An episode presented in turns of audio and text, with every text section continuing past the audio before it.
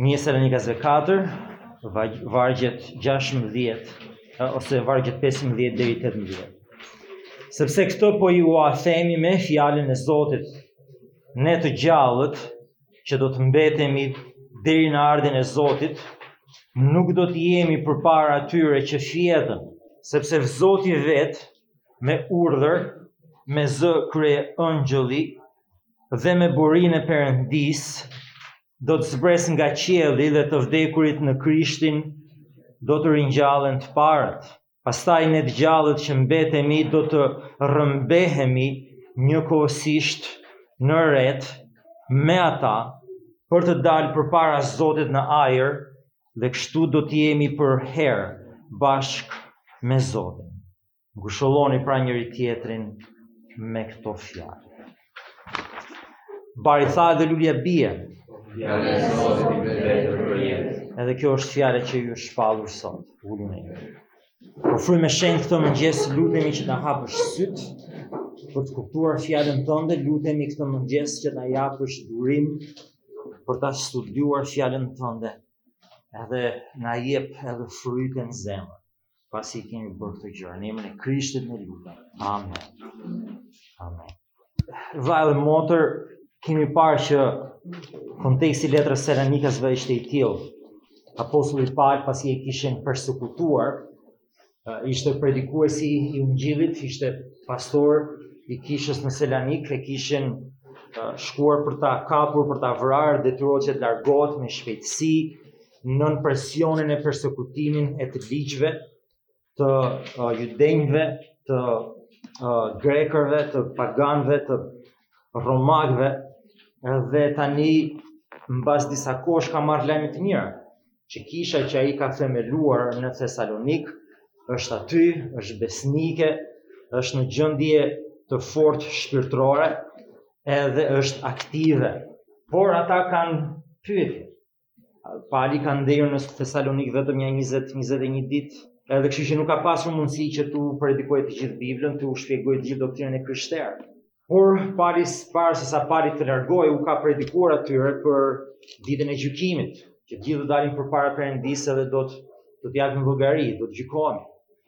Perëndia Pali u ka thënë që Krishti Perëndia po vjen përsëri për gjykim për ata që nuk besojnë, për bekim për ata që janë në Krishtin, për ata që besojnë.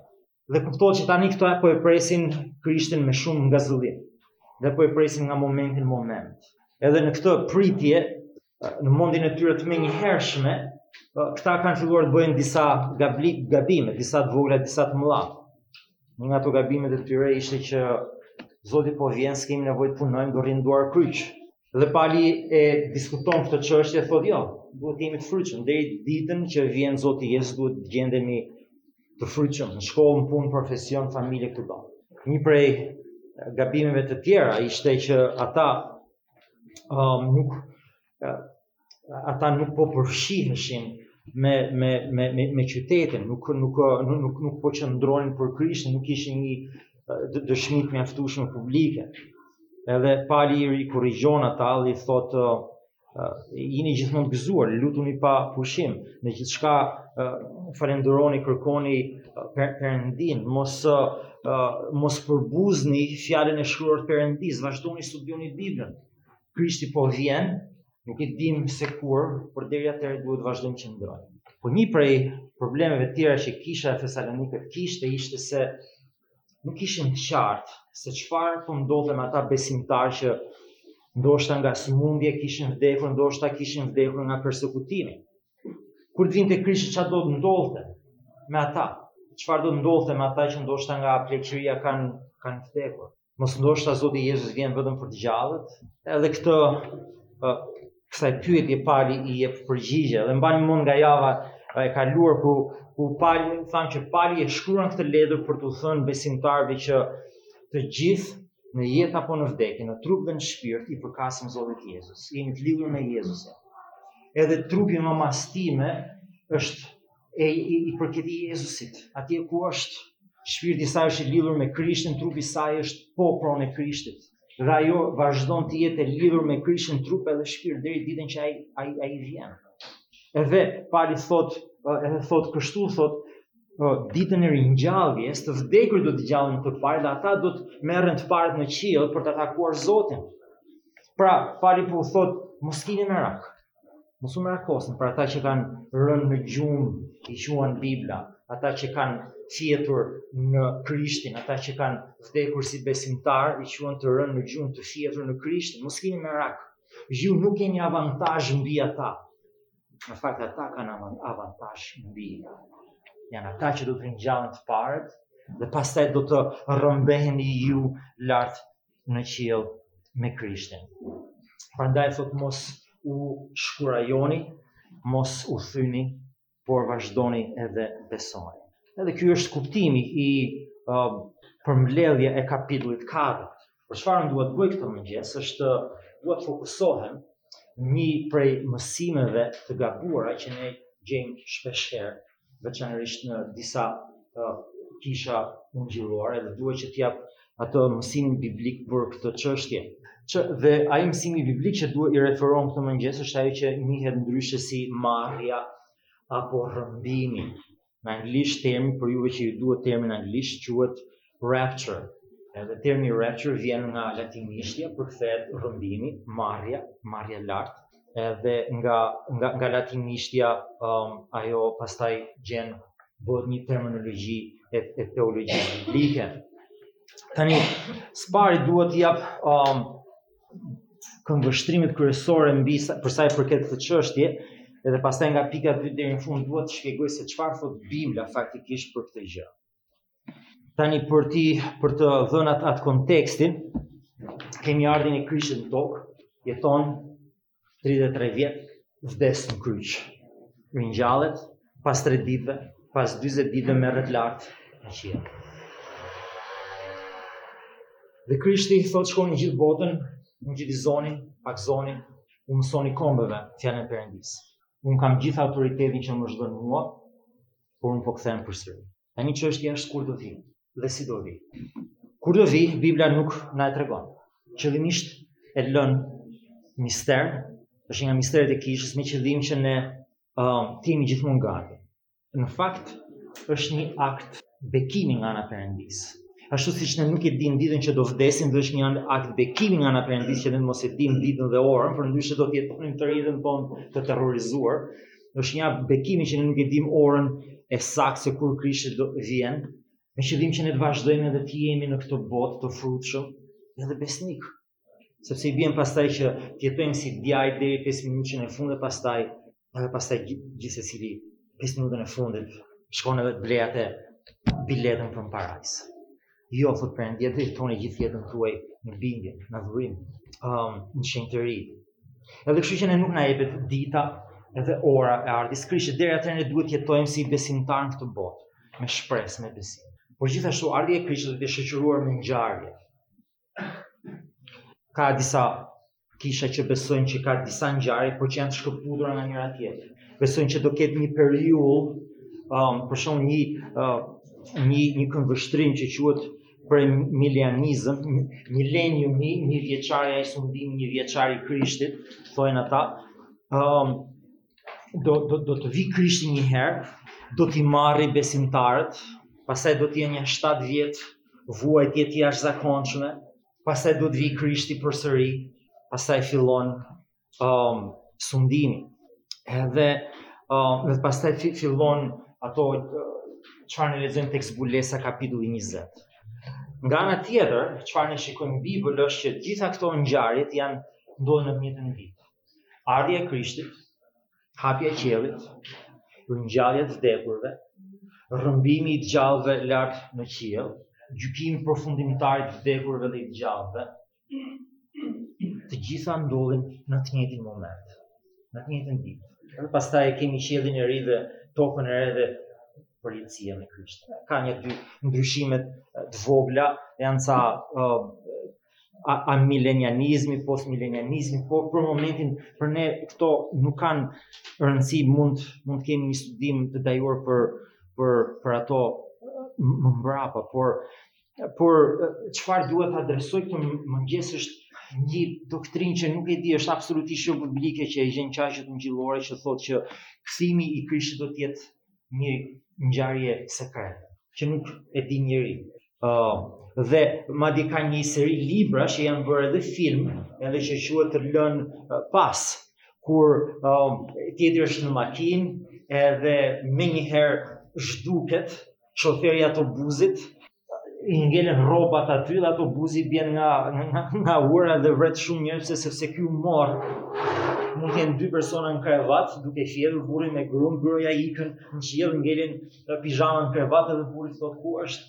Edhe është një, një seri absurde mendoj unë, edhe absolutisht jo biblike, por nga um, doktrina se si Krishti do t'i rrëmbejë një pjesë, edhe pastaj njerëzit e tjerë thonë ore po ku ikën këta njerëz që ne kishim uh, këtu vërdall tragjedi nga më të ndryshme të ikën piloti i avionit bum avioni poshtë edhe edhe është një doktrinë që nuk është biblike prandaj duhet të fokusohem tek kjo uh, te çështja e um, e rrëmbimit dhe që është në ditën e Krishtit në ardhjen e tij të dytë. Um, edhe për këtë arsye dua që të që, që të merrem me këtë çështje tani. Tek vargjet 16, 17, 18 na thuhet kështu.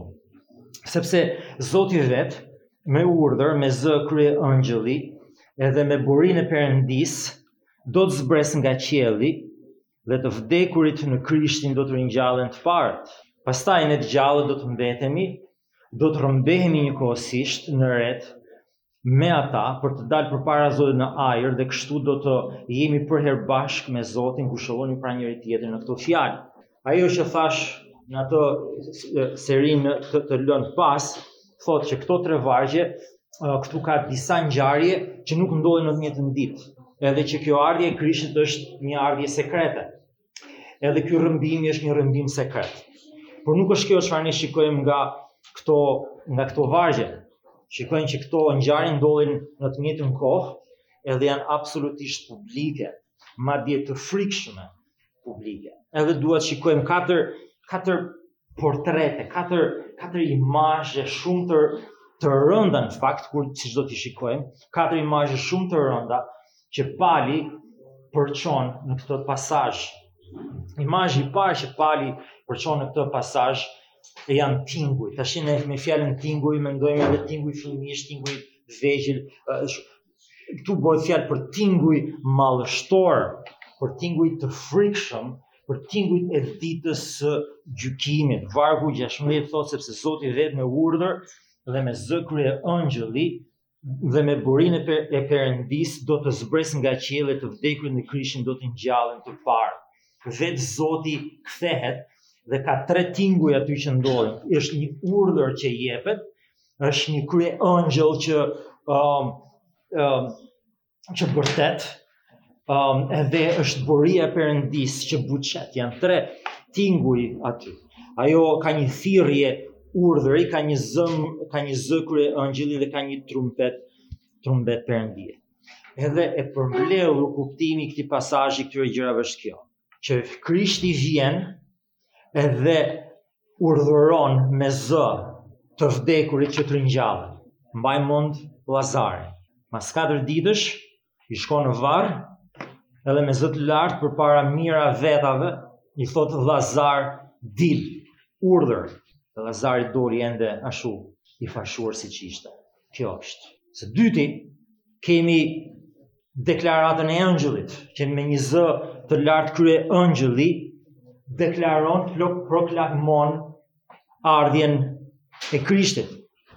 Sot ne kemi rrjetet sociale ku jepen lajmërime.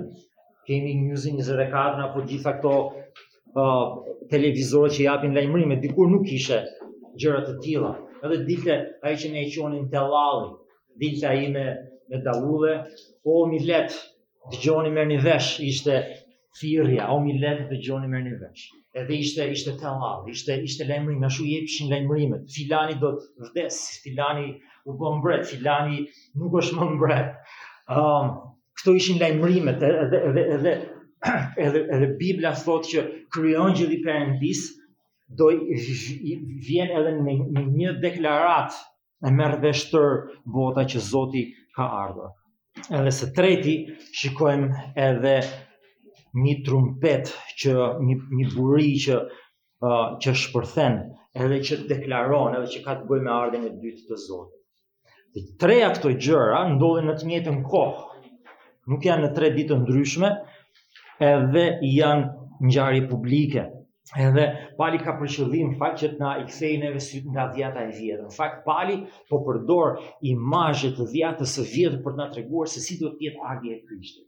Ne gjithë duam të dimë se si do të jetë ardhja e Krishtit, e kemi të zbuluar vetëm se e kemi zbuluar në Bibël dhe por problemi është që duhet bëjmë pak punë për ta për ta uh, për ta gjetur dhe edhe edhe për të kuptuar se çfarë Pali neve po na thotë, duhet duhet ta ta ta çkodojmë, duhet ta thyejmë atë kodin edhe edhe ta shikojmë. Tek Psalmi 98 për shembull, nëse mbani një gisht aty tek Psalmi 98 vargjet 6 deri në 9, um, uh, kemi të bëjmë me, me, me burin, për shembull. Uh, tek psalmi 98, flitet për ardhjen e dytë të Zotit, flitet për ardhjen e Zotit.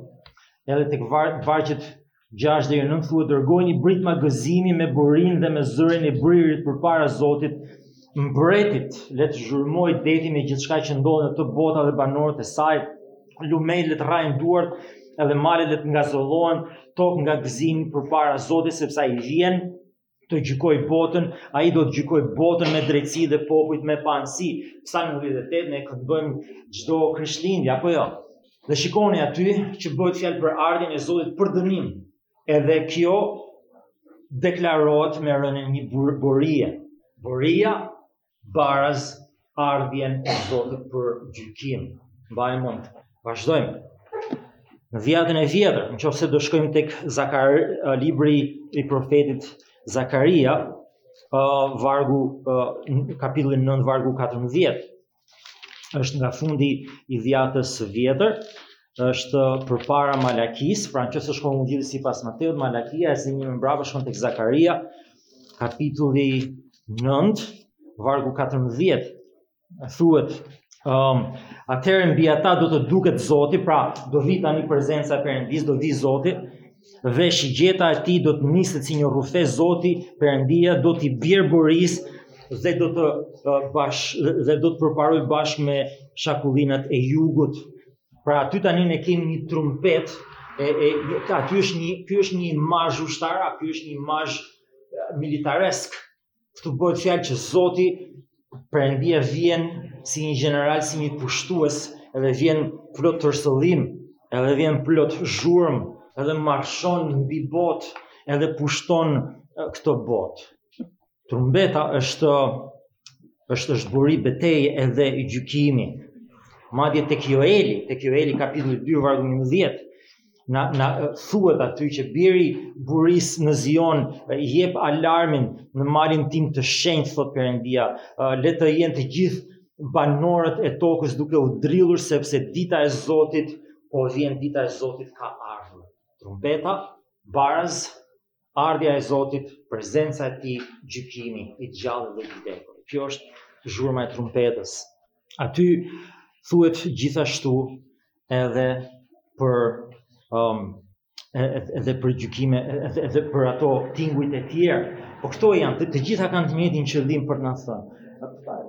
Kryeengjëlli paralajmëron ardhjen e Zotit, Trumbetat e, e pushtimit bien, buritë e pushtimit bien, uh, Zoti jep urdhër të vdekurve dhe të gjallëve që të ngjiten atje lart, edhe aty fillon momenti i gjykimit.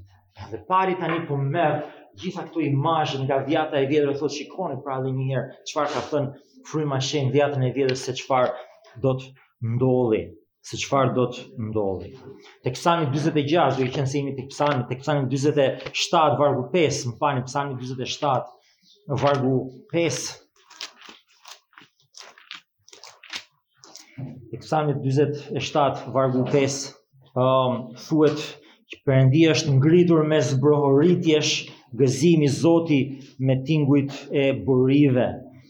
Këndoni lavde Perëndisë tonë, këndoni lavde, këndoni lavde mbretit tonë, këndojeni lavde. Është një pasazh fronzimi. Psalmi 47 është një pasazh fronzimi. Është një pasazh që na tregon se si Perëndia që vjen, Zoti që vjen, vendos veten e tij mbi fronin e gjithë botës Edhe në këtë për, në këtë ceremoninë e fronzimit ka rënie borish, thotë um, pasazhi tjetër që duhet të shikoj uh, në qoftë se tek Eksodi 19. Tek Eksodi 19 ne kemi diçka të rëndë, kemi diçka të rëndësishme, kemi flitet për prezencën e Zotit në mes të popullit të tij. Si e panë prezencën e Zotit në mes popullit të ti? Cilat ishin shenjat që Perëndia i plotfuqishëm, Elohimi, Jehova, Perëndia triunë, atë bërë dhe fërë mes shenjë ishin në mes popullit, cilat ishin shenjat?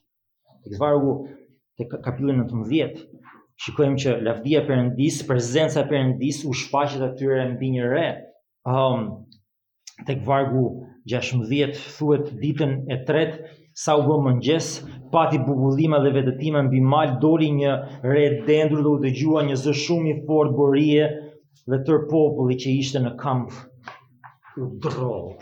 Aty e ka e ka thënë shumë butë. U drodh. se kuptimi është ndryshe. U drodh. Edhe këtu vijmë së dyti te ky imazh i dytë, që bën fjalë me retë. Shikoni tek vargu 10, aty ku jeni tek Zanafilla, tek Eksodi 19. Tek tek vargu 10 thotë atëherë Zoti i tha Moisiut, shko tek populli shenjtëroje atë sot dhe nesër dhe bëj që të lajë rrobat dhe të jetë gati për ditën e tretë sepse ditën e tretë Zoti do të zbresë mbi malin e Sinait përpara syve të popullit Edhe atëherë, Perëndia zbriti edhe lavdia e tij u pa nga retë. Edhe shikojmë pra që kemi një zë, kemi një bori, kemi një deklarim, edhe kemi prezencën e Perëndisë. Kur flasim pra për këto këto re të lavdishme, flasim për prezencën e Perëndisë. Perëndia është aty, ajo është shenja. Le të kthehemi tek uh, Psalmet, tek Psalmi 104. Tek Psalmi 104 kemi përsëri imazhin e reve edhe Perëndisë që vjen mbi re, mbani mend se si u tha për Krishtin kur po ngjitej lart. Teksa ata 500 dishepuj që panë Krishtin e ringjallur po shikonin Zotin që po merrej nga lek nga nga retë po e ngrinin lart, ishin dy engjëj të veshur me të bardhë që u, u dolën përpara, u thanë, o burra galileas, pse po i mbani sytë ashtu, ai Zot që po u mor në këtë mënyrë, po në të njëjtën mënyrë, edhe do t'ju kthehet, ashtu siç u mor nga lart, nga qielli, edhe mbi re, ashtu dhe do të kthehet, me re, sepse kjo është prezenca e Zotit Jezus, tek Psalmi 104, ke vargu 3 dhe 4, thuhet i bën erat lajmë lajmëtarë të tij dhe flakët e zjarrit shërbëtorë të tij ai e ka krijuar tokën mbi themelet e saj dhe nuk do të luajë kurrë përjetë ti e kishe mbuluar me humnerë si me një rrobë ujërat ishin të ndalur mbi male edhe edhe um, edhe edhe edhe, edhe shikon këtë këtë imazhin e një një pamjeje kataklizmike edhe që të gjitha uh, simbolizojnë prezencën e Zotit, gjitha ato simbolizojnë prezencën e Zotit. Kapit, uh, ajo uh, referenca tjetër është tek Danieli, Le të shkojmë tek Danieli Shpejt tani, gjithë kisha e dimë ku është Danieli, shkojmë tek Psalmet, ecim përpara, kalojmë Ezekielin, edhe shkojmë tek Danieli 7, apo jo. Shkojmë tek Danieli kapitulli 7, vargu 13 thuhet kështu. Dhe unë shikoja, thotë profeti Danieli, shikoja disa vegime nate dhe ja mbi retë e qiellit, po vinte dikush që i ngjante një biri njeriu, ai arriti deri tek i lashti i ditëve dhe iu afrua atij. Biri i njeriut, personi i dytë i trinisë, me atin Perëndi që vjen mbi re. Kjo është çfarë Bibla thotë. Këto janë imazhet e dhjatës së vjetër. Ky është përshkrimi, këto janë ato detajet që pali i grumbullon edhe na jep neve në mënyrë të koncentruar në dhjatën e re, që do të thotë vëlla e motër, duhet të njohësh dhjatën e vjetër që të kuptosh se çfarë po thotë pali në dhjatën e re. Se po flet në mënyrë të ngjeshur. Rendit brenda shtatë fjalëve, rendit tre imazhe apokaliptike të njohura për çdo lexues të zakonshëm të dhjatës së vjetër. Edhe që na sjell momentalisht ke aplikimi që vëlla motër duhet të lexosh Biblën, duhet të lexojmë Biblën, duhet ta njohim Biblën, duhet ta lexojmë edhe studiojmë me kujdes Biblën për të kuptuar dhjatën e re. Nuk mund ta kuptosh dot dhjatën e re pa lexuar dhjatën e vjetër. Edhe kështu pali pra, po na flet neve në dhjatën e re, po thot, shikoni, ky Jezusi që po vjen, është Jehova i dhjatës së vjetër, është i trupëzuar, Jehova i trupëzuar që siç iku, po vjen për tani për gjykim, po vjen për gjykim. Tani çfarë ndodh, tani që Krishti vjen për gjykim. Vijmë në dhjatën e re, kthehemi aty, edhe kemi atë imazhin e tretë, kemi takim me zonë, kjo me zotin, kjo është shumë interesante, shumë interesante. Aty thuhet, tek vargu 17, tek 1 e Selanikasve 4, 17 thuhet, dhe pastaj të gjallët, që mbetemi do të rrëmbehemi njëkohësisht në retë me ata për të dalë përpara Zotit në ajër dhe kështu do të jemi përherë me Zotin për të takuar për të dalë përpara Zotit në ajër. Kjo dalja përpara, kjo dalja përpara është një fjalë shumë interesante në greqishten e vjetër. është fjala um, apantesis, është fjala mikpritje, është fjalë teknike, është fjalë historike edhe, edhe, edhe politike. Kur Cezari erdhi për të vizituar qytetin e Korintit, u tha parusia e Cezarit, ardhja e Cezarit, ardhja e Cezarit, vizita e Cezarit. Edhe Pali po e përdor atë fjalën për me thënë Jezusi është Cezari i gjithë botës, ai është perandori i gjithë botës, ai po vjen. Por këtu përdor një fjalë teknike, dhe thotë prit. E di çfarë ndodhte kur Cezari vinte në një qytet, përgatitesh një delegacion nga i gjithë qyteti. Cezari parkonte ushtrinë e tij jashtë qytetit, delegacioni vinte jashtë qytetit, e priste, i jepte dhuratat dhe pastaj shoqëronte Cezarin brenda për në qytet. Edhe këtë po thotë Pali kjo është çfarë do të ndodhë të vdekurit do të ngjallen, mamaja ime përpara nesh, pastaj do të rrëmbehem unë, edhe ky nëse është gjallë se ata të dy në fillim pastaj unë, edhe pastaj do e marrim Krishtin edhe do do e shoqërojmë këtu, perandorin e gjithë universit, në qytetin e njeriut, një tokë të re, një qiell të ri. Është një term teknik që përdor Pali. edhe që do shikojmë që ka reperkusione shumë të rëndësishme, edhe ekonomike, edhe politike, edhe shoqërore për të krishterë. Se se Pali po thotë Krishti është perandori i kësaj bote. As Rama, as Berisha, as Cezari, askush. Krishti është perandori i kësaj bote. Dhe është i njëjti term që përdoret në fakt për vetë Palin. Në qoftë se do ikim disa fletë më mbrapa tek veprat e apostujve, kapitulli 28, tek veprat e apostujve, kapitulli 28 ndodh e njëjta gjë, madje por këtë radhë i ndodh vetë Palit. Te kapitulli 28 vargu 25 thuhet që uh, Pali um, Pali po vazhdonte shërbesën e tij. Um, tek vargu 15, um, është historia kur Pali arrin në Romë edhe qëndron atje. Por të krishterët në kishën e Romës dëgjojnë që apostulli Pali po vjen është nisur për në Romë.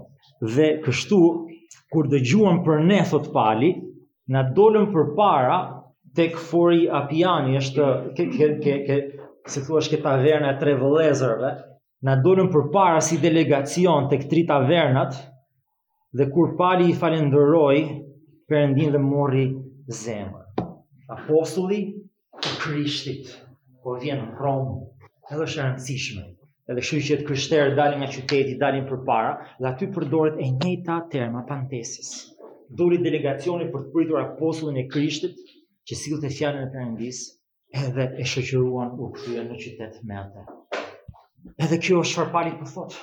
Të gjallët, të vdekurit do të ringjallen, të gjallët do të rrëmbehen, të gjithë së bashku do të jemi atje delegacioni që e pret dhe e shoqëron Zotin në atë qiellin e ri dhe në tokën e re. Tashi këtu ka shumë detaje, edhe mund të bësh pyetje, po jo po ça tashi këtu ke Zbulesa 4, Zbulesa 18, thotë këtë, thotë atë, ça ngjyre është ky kali, ça ngjyre është ai kali, gjitha këto simbolet e jashtëzakonshme të Biblës. Dhe kur i bën këto gjë, dhe që duhen, po duhen studiuar, por humbet thelbin e asaj çfarë Pali po thotë, kush është thelbi i pasazhit.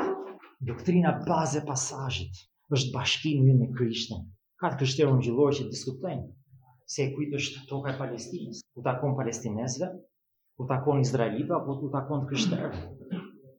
Edhe momentin kur e shtron çështjen nga ana gjeografike, e ke humbur komplet betejën për kuptimin e Biblës, se nuk është aty puna, nuk është se ku do vijë, nuk është se do jetë në cilin, në cilin uh, meridian gjeografik do të shfaqet për herë të parë, do të futet në sferën e tokës.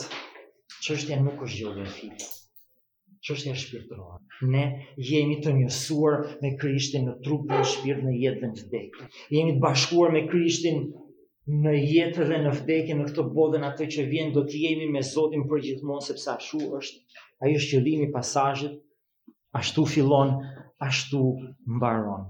Pastaj ne të gjallët që do të mbetemi, do të rrëmbehemi dhe do të jemi përpara Zotit në ajër dhe kështu do të jemi përherë bashkë me Zotin. Ky është qëllimi. Ky është problemi. Që këta i kishin sytë kush ngjallet i pari, kush ngjallet i dyti, Pali po thotë. Dhe që ata do ngjallen para, pastaj merremi ne.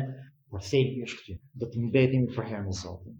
Do të mbetemi përherë. Edhe madje këtë edhe edhe vetë Abrahami e dinte, thotë thotë Pali, thotë thotë autori i librit të Hebrejve, kur shkojmë tek Hebrejve, pa le t'i, t'i kthejmë Biblat tek Hebrejve kapitulli 11, Aty flitet për atë a qytetin e vërtetë, shpresën e vërtetë. Tek Hebrenjve njëmbëdhjetë, vargu 8 deri në gjashtëmbëdhjetë, thuhet, me anë të besimit, Abrahami, kur u thirr, u bind që të shkojë nga Arabia që të merrte për trashëgim dhe u nis pa e ditur se ku do shkonte, sepse Perëndia po udhëhiqte. Me anë të besimit Abrahami banoi në tokën e premtuar, si në një dhe të huaj, ishte në shtëpinë e vet, por jetonte sikur nuk ishte në shtëpinë e vet. Dhe ndenji në çadra me Isakun, me Jakobin, me bashkëtrashëgimtar të të njëjtit premtim. Pse? Pse? Sepse priste qytetin që ka themelet mjeshtër dhe ndërtuesi të cilit është Perëndia. Unë e kuptoj ndjenjën e Abrahamit. E kuptoj ndjenjën e Abrahamit. Kur shkova në 2001 për studim në Amerikë, shkova me qëllim që do kthehesh. I premtova konsullit kur mora vizën, që ditën që unë do kthehem në Shqipëri do vij të të vizitoj. Dhe ditën e dytë shkova menjëherë në ambasadë kur u ktheva për të thënë erdha, siç të premtova, sepse ma dha me me me, me fjalë besë që po ta jap, por do vish do më thuash u ktheva. Konsulli ishte ndryshuar, por nuk ka rëndësi. Unë premtimin e mbajta. Dhe për ato 7 vjet që isha në Amerikë, nuk kam fjetur një natë rahat në shtratin tim sikur po flija në shtratin tim. Kam fjetur ashtu si shumë prej nesh që kanë provuar me qindra herë, siç kur flen në tren, apo flen në autobus, apo flen uh, në avion, apo uh, edhe që rrin je i ndërgjegjshëm që çantën e ke këtu, kuleta është te xhepi tjetër, telefoni është këtu dhe edhe flen gjysëm uh, i ndërgjegjshëm uh, për t'u siguru që e ke edhe kuletën dhe telefonin edhe çantën me diskantëve. edhe ndjen gjithçka që po ndodh përreth, sepse nuk mund t'i lejoja vetes rehatimin, se përndryshe do përfundoja në thyrje bese. Edhe kjo është çfarë Bibla po thotë për Abrahamin. Jetoi në Izrael, jetoi në tokën e premtuar, por ende nuk ishte në shtëpinë e tij. Pse? Sepse shtëpia jonë e vërtetë Nëse duam atë shtëpinë gjeografike, është në qiellin e ri edhe në tokën e re. Atje do të jemi përfundimisht në shtëpinë tonë. Prandaj nuk ka rëndësi se në cilin meridian gjeografik shfaqet Krishti. Ai është premtimi që ne kemi marrë. Tek Zanafilla 21, edhe pastaj do të jap implikimet shkurtimisht. Tek uh, Zanafilla 21, shikojmë atë përmbledhjen edhe përmbushjen. Tek vargjet 3 dhe 5 thuhet dhe dëgjova një zë të madh prej qiellit që thoshte ja tabernakulli i Perëndisë, tempulli i Perëndisë me njerëzit. Ai do të banojë me ta dhe ata do të jenë populli i tij. edhe vetë Perëndia do të jetë bashkë me ta Perëndia i tyre. Dhe Perëndia do të fshijë çdo lot nga sytë e tyre. Dhe vdekja nuk do të jetë më. As brengë, as britmë, as dhimbje nuk do të ketë më sepse të parat shkru shkuan. Dhe ai që ishte ulur mbi fron tha ja unë bëj gjithçka të re dhe ai që është ulur mbi fron është Perëndi është Zoti dhe më tha shkruaj këto sepse fjalët janë të vërteta edhe të besuar dhe më tha unë jam alfa dhe omega fillimi dhe mbarimi unë do t'i jap atij që ka etje si dhuratë nga burimi i ujit të jetës Perëndia është alfa dhe omega fillimi dhe mbarimi Krishti është alfa dhe omega fillimi dhe mbarimi Ai është ai që është i ulur mbi fron, është ai që tha unë bëj gjithçka të re dhe unë do të jem gjithmonë në mesin tuaj dhe ju do të jeni me mua. Cili është emri i Perëndisë? Cili është emri i Jezusit? Është Emanuel, që përkthehet nga hebraishtja Perëndia me ne.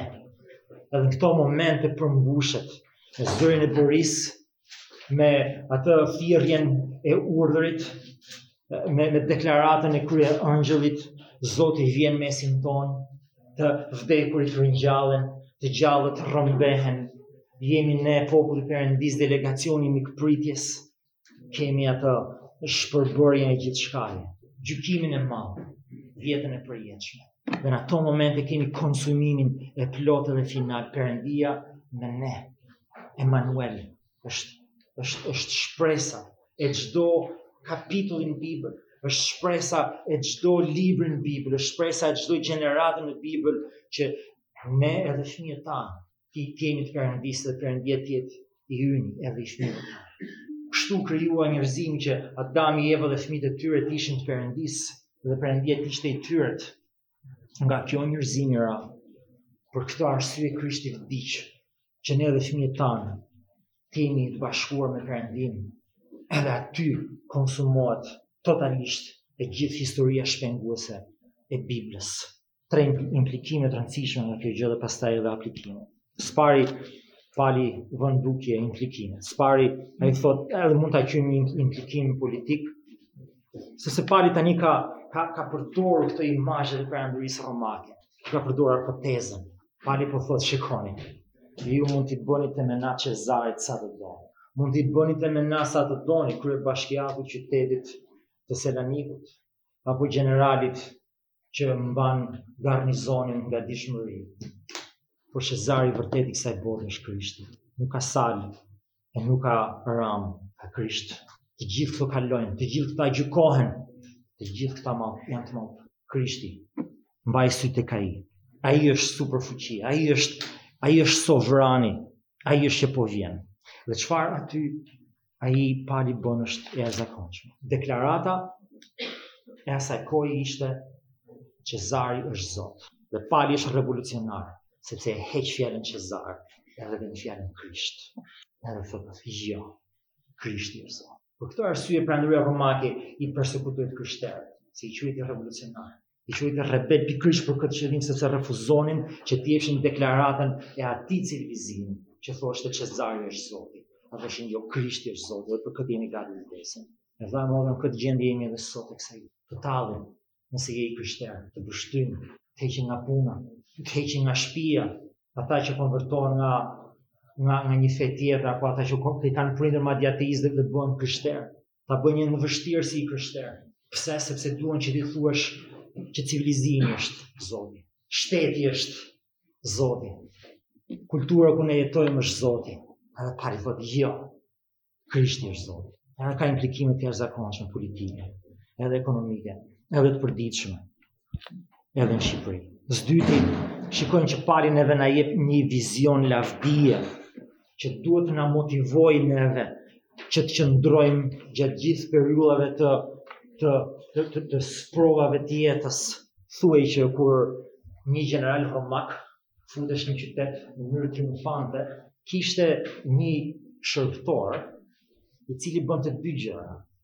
me një shkop nga mbrapa i mbante një kurorë prej ari mbi kokë, pa e vendosur në kokë, por duke ia mbajtur si një aureolë kështu nga sipër atë kurorë, edhe teksa futeshin në qytet, ky ngiste karrocën e vet, edhe ai shërbëtori që i mbante kurorën sipër kokës së gjeneralit, por në vesh i pëshpëriste.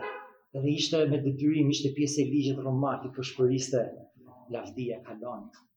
Lavdia kalon. Imagjinoni ai është një ushtar me 20 mijë, është një gjeneral me 20 mijë ushtarë ka ka pushtuar ka pushtuar Aleksandrinë edhe po futet me gjithë turfullim brenda në qytet dhe aty një prej skllevërve të tij thotë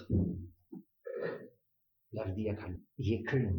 A ti do shkosh nga ana tjetër, çfarë ne kemi në Bibël? Çfarë ne kemi në Bibël për ne që i besojmë Krishtit? Kemi diçka komplet tjetër. Tek zbulesa 3. Tek zbulesa 3. Kemi diçka absolutisht të mrekullueshme kur e krahason atë çfarë u thuhej gjeneralëve romak. Tek zbulesa 3:21 thuhet atij që fiton, atij besimtari që qëndron deri në fund, atij që fiton do t'i jap të ulet me mua në fronin tim, sikurse edhe unë fitova edhe u ula me atin tim në fronin e tij. Edhe ai që ka vesh të dëgjojë, thotë ai, sepse kjo është për kishën. lavdia e Krishtit, lavdia e Atit u bë lavdia e Krishtit. Dhe nëse ne besojmë në Krishtin dhe qëndrojmë në Krishtin deri në fund, lavdia e Krishtit bëhet lavdia jonë, një lavdi që nuk do të venitet kurrë. Implikimi i tretë është tek pasazhi vetë, Pali tek vargu 18, thotë ngushëlloni pra njëri tjetrin me këto fjalë. Pali thotë, është një doktrinë që duhet predikuar për ngushëllimin tonë. Duhet predikuar për ngushëllimin tonë. Lexoje për ngushëllim, jo për frikë, jo për uh, t'u bërë enciklopedist, se në cilin meridian të rruzullit do të futet Krishti, në cilin uh, pjesë të kontinentit do të ulet, lexoje për ngushëllimin. Unë dhe Zoti im jemi një dhe jemi të pandashëm. Edhe inkurajimi, unë doja pesë inkurajime uh, në këtë moment për këtë arsye. Së pari ne kemi një nxitje të fortë për të jetuar si ndjekës të Krishtit. Nuk kanë rëndësi tentimet, sëmundjet, sprovat, kanë për qëllim që të mos na rrëzojnë, por të na forcojnë. Edhe të gjitha këto gjëra së bashku me mësimin biblik janë një inkurajim i fortë për të jetuar si ndjekës të Krishtit. Së dyti. Ne kemi një nxitje të fortë për të dëshmuar ungjillin e Krishtit në një botë të humbur dhe të vdekur. Para se Krishti të ngrihej lart, tha, shkoni në gjithë botën, bëni dishepuj, predikoni, ungjillizoni, bëni dishepuj. Pse? Sepse unë jam ai që po ngrihem lart dhe po vij, i gjithë pushteti më është dhënë mua dhe ju jeni në mua. Edhe rrjedhimisht dhe ju keni pushtet. Prandaj kemi dëshminë, atë nxitjen e fortë për ungjillin e Krishtit. Së treti, ardhja e Krishtit neve na inkurajon që të punojmë për ndërtimin e kishës dhe dhe avancimin e mbretërisë së Perëndisë. Si tha Zoti Jezus kur siç e lexojmë tek Mateu 6:33, kërkoni më së pari mbretërinë e Perëndisë, pastaj të gjitha këto të tjera do t'ju shtohen. Të gjithë ne duam punë. duam shpi, duam bukë, duam ujë, duam shëndet, po, Perëndia është i mirë dhe i jep, por ai thotë, le ta vendosim kalin përpara karrocës, le ta vendosim atë që është kryesorja, thelbësorja përpara këtyre bekimeve të tjera që i ndjen, kërko së pari mbretërinë e Perëndisë. kërko fytyrën e Perëndisë, bëhu bijë edhe bir i Perëndisë dhe pastaj këto bekimet e tjera do të të shtohen. Se në fund të fundit ky është kuptimi i termit bekim, është mirësi që Perëndia t'i shton, mirësi me të cilat Perëndia ty ta pasuron jetën. Kërko së pari mbretërinë e Perëndisë dhe gjitha këto tjerat do të t'ju shtohen. Edhe tek Luka 2023, um, lexojmë po po të njëjtën gjë. Um, I bekuar është thotë Krishti ai shërbëtor të cilin mjeshtri e gjen duke shërbyer ditën që vjen. Prandaj le të jemi të bekuar. Së katërti vëlla dhe motër, kemi inkurajim nga ky pasazh ne ta duam njëri-tjetrin. Ashtu siç na ka dashur Zoti Jezus. Vëlla, motër, nëse unë nuk e dua Klejn për shembull, unë kam një problem. sepse nuk do t'i shpëtoj dot prezencës së Klejt kurrë, se do jetë me mua në përjetësi. Klej mund shkojë në Norvegji, po do dojë. Po në qiell, do jemi bashkë. Dhe unë duhet të mësoj ta dua Klejn këtu dhe tani. Edhe të jem në harmoni me Klejn këtu dhe tani. Edhe ta fal Klejn këtu dhe tani. Por ndryshe përjetësia bëhet nga parajsë në ferr. Duhet të mësojmë ta duam njëri-tjetrin në Krishtin këtu dhe tani. Ta falim njëri-tjetrin në Krishtin këtu dhe tani. Sepse këtu dhe tani tashmë ka filluar mbretëria e Perëndisë. Dhe përjetësia ka filluar këtu. Së pesti dhe së fundi, vla e motër, duhet të kujtoj që um, të gjitha këto gjëra janë bekim vetëm për të krishterët. Ardhja e Zotit është bekim vetëm për të krishterët. Për atë që nuk i beson Krishtit, ardhja e Krishtit është mallkim. Ditën që Krishti vjen, ditën që Zoti Jezus jep urdhër dilni nga varret, ditën kur kryeengjëlli bërtet, lajmëron ardhjen e Krishtit, ditën kur buria e triumfit të Zotit vjen, ata që nuk janë të krishterë, ata që nuk janë në Krishtin, janë të mallkuar përfundimisht, janë të vdekur dhe nuk ka më mëshirë është dita e gjykimit përfundimtar. Pra çka sa jemi në tokë përpara gropës së varrit. Pra çka sa jemi këtu në tokë përpara momentit që Zoti vjen, është dita e shpëtimit. Është dita e besimit. Është i vetmi vend ku është, na është dhënë shansi i faljes. Andaj le të mos e lëm pendimin për më vonë, mos e lëm besimin për më vonë, mos e lëm shkuarjen te Krishti për më vonë, sepse nuk e dimë se çfarë ndodh në momentin që nxjerrim këmbën nga dera e kishës. Vdekja vjen në këtë mënyrë dhe pastaj vjen gjykimi. Prandaj Bibla thotë pendohu tani, pendohu sot, beso tani, beso sot, sa nuk është vonë. Se ditën që Krishti vjen, ditën që ti vdes, është vulosur një herë dhe përgjithmonë gjendja jote. Nëse tani vëlla dhe motër nuk je në Krishtin, je i dënuar dhe je i mallkuar, Nëse tani nuk je në Krishtin, je rrugës për në ferr. Jeta jote është udhëtim ose drejt ferrit, ose drejt parajsës. Prandaj pendohu tani. Beso tani. Le të lutemi.